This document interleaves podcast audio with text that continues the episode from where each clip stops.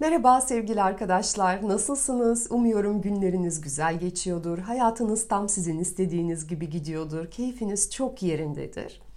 Bu videoda kadınların uzun süreli ilişkiden veya boşanmadan sonra sıkça yaptıkları hatalardan bahsetmek istiyorum. Aslında hata kelimesini sevmiyorum ama e, burada kastım can sıkıcı sonuçlara götüren, kendi kendimizi değersizleştirdiğimiz o kararlar. Daha kısa olsun diye hata kelimesini kullanıyorum.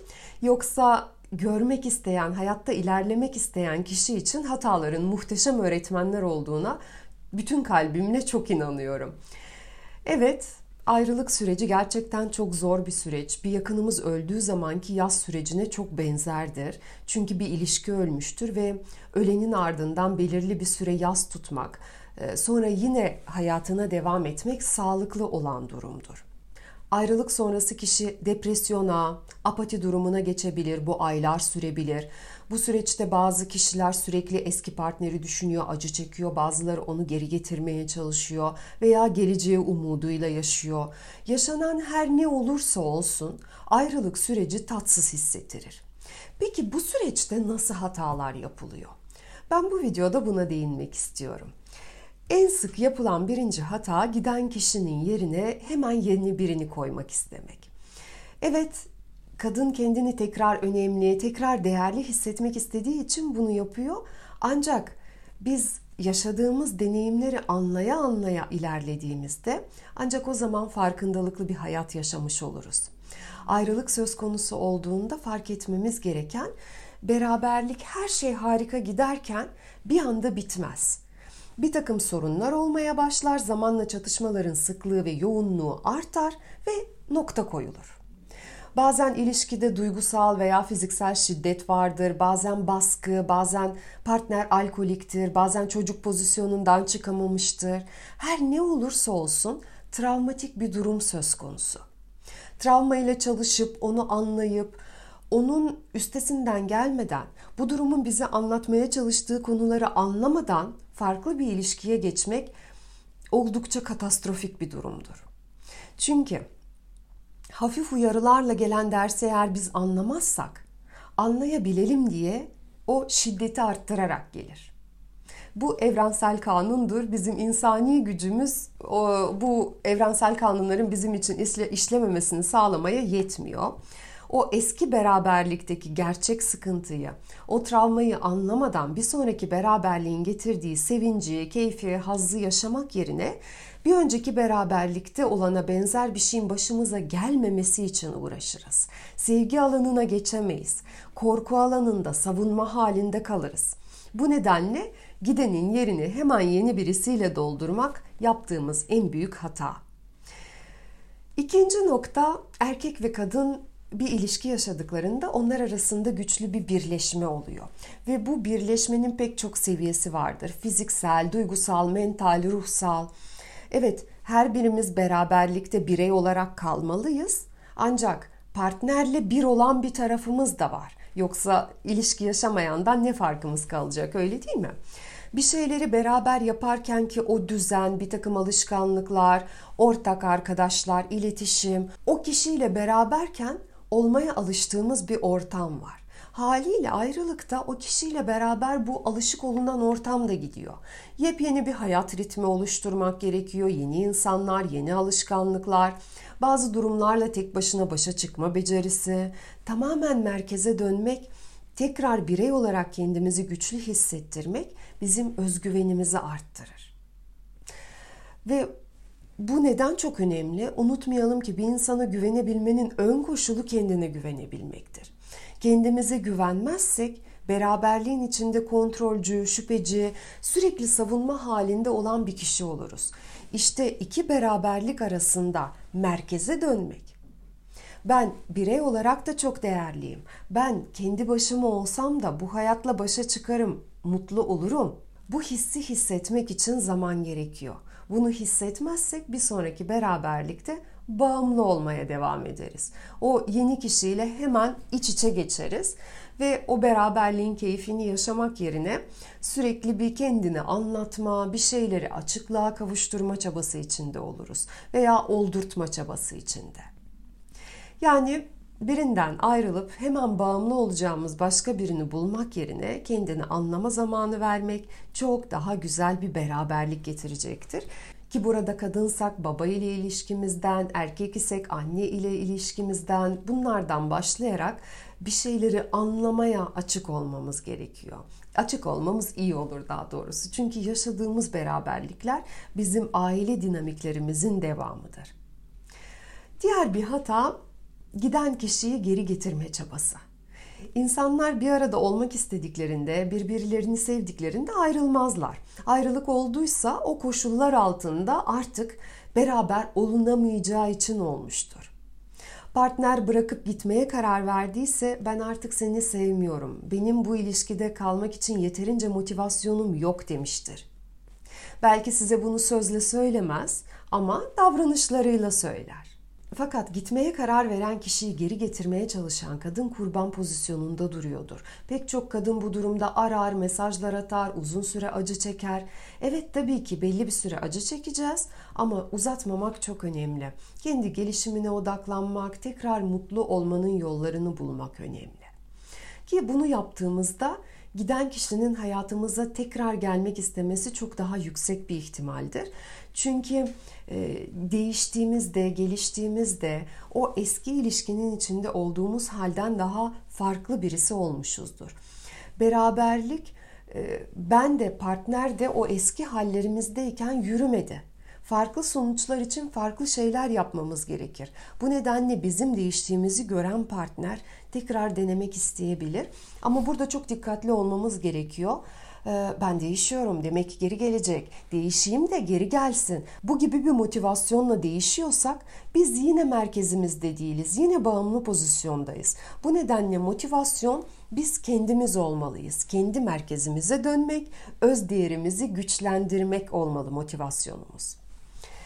Diğer hata ayrıldık ama eski sevgilim veya eşim e, duygusal bağ istemiyor ama cinsellik istiyor. Sevgili kızlar, lütfen saf olmayın. Bir erkek sizinle beraberlik sürdüremiyor.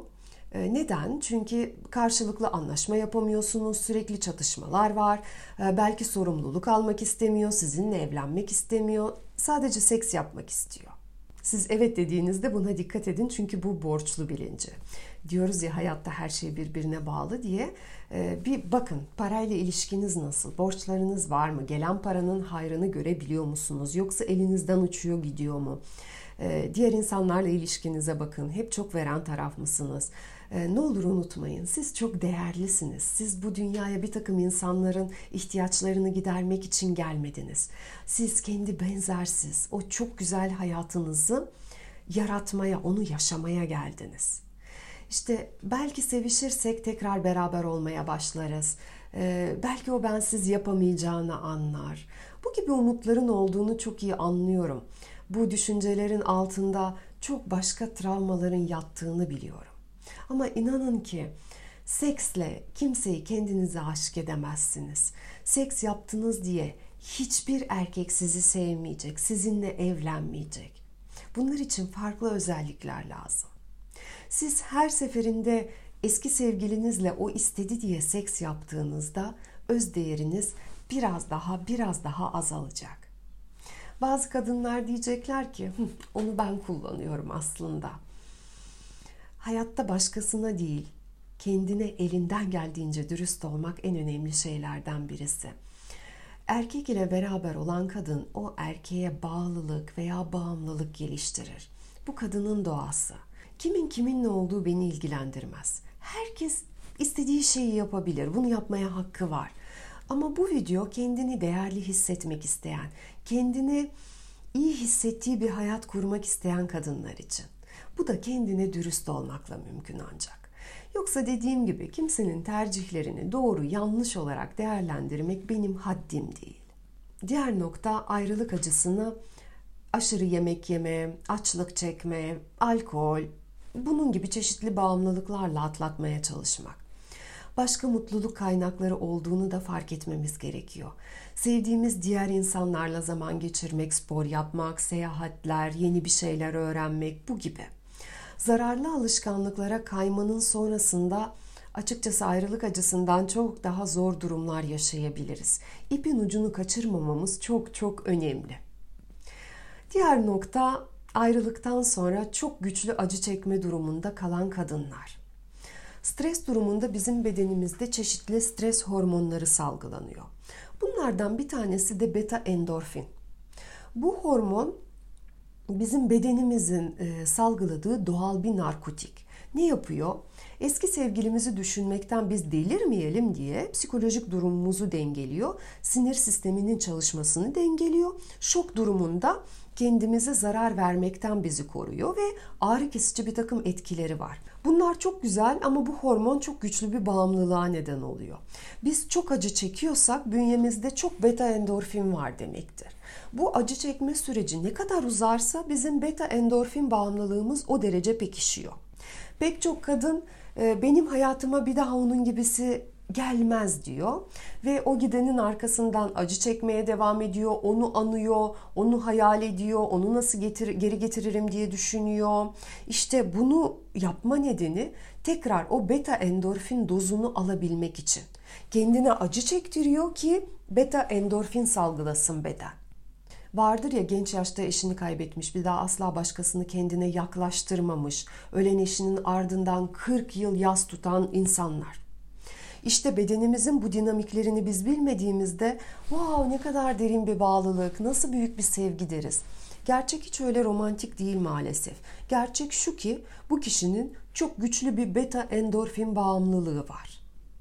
Bu nedenle sevgili arkadaşlar ayrıldığınız sevgilinizin sosyal medyasını kontrol ettiğinizde, ondan kalan anıları yok etmeyip bakıp bakıp ah diye iç çektiğinizde, acaba yeni sevgilisi var mı diye merak ettiğinizde, bu gibi şeyler yaptığınızda siz acı çekme sebebi yaratmaya çalışırsınız ki bedeniniz beta endorfin salgılasın. Ne kadar çok acı çekersem o derece seviyorumdur düşüncesini bu bilgiler ışığında lütfen yeniden değerlendirin. Bu bağımlılığın dalgalı bir seyri de olabilir. Hayatınızda bir dönem geliyor. Siz bir şeyde başarısız olduğunuzu hissediyorsunuz. İstediğiniz gibi sonuçlanmadı. Ağlıyorsunuz, üzülüyorsunuz, yas tutuyorsunuz. Bedende endorfini arttırdınız. Dozunuzu aldınız. Bir süre hayat sakin gidiyor. Sonra hop çok acı verecek bir şey daha oluyor. Hayatımızda olan her şey biliyorsunuz bizim aldığımız kararlar sonucu oluyor. Biz hiç fark etmeden öyle kararlar alıyoruz ki yine acının içerisinde sürükleniyoruz. Neden bunu yapıyoruz? Çünkü bedende beto endorfin azaldı. Yoksunluk çekiyoruz. Bu acı döngüsünü bir yerde kesmeye karar vermezsek böyle sürer gider. İşte acıların kadınına dönüşürüz biz de. Bizim işimiz bu kasvetli durumun, apati, depresyon, erkeği sürekli düşünmenin, o erkekle ilgili olmadığını anlamamız. Yarın başka bir erkek çıkabilir, onunla da ayrılırsınız yine aynı duyguları hissedersiniz. Bu sizinle ilgili, karşıdakiyle değil. Bu nedenle bilinci geliştirmek, olaylardan ders almak, olanı orada bırakıp yola devam etmek bu derece önemli. Ve eminim başka hatalar da vardır. Benim ilk aklıma gelenler bunlardı. Umuyorum bu bilgiler sizin için faydalı olurlar. Bitirmeden önce 21 Nisan'da başlayacak Işıldayan Kadın Maratonumuz var. Bu 3 aylık bir online grup çalışması. Dişilik çalışıyor olacağız. Dişil enerjimizi, eril enerjimizi, bu ikisini hayatımızda nasıl dengeli bir şekilde kullanabiliriz?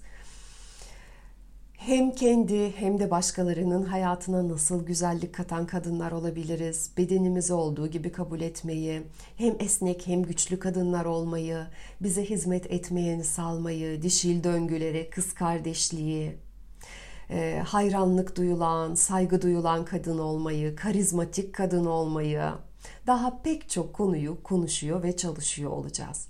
Eğer ilginizi çekerse bu dişiliği ortaya çıkarma yolculuğunu benimle beraber yürümek isterseniz ben sizinle beraber olmaktan çok büyük bir keyif alıyor olacağım.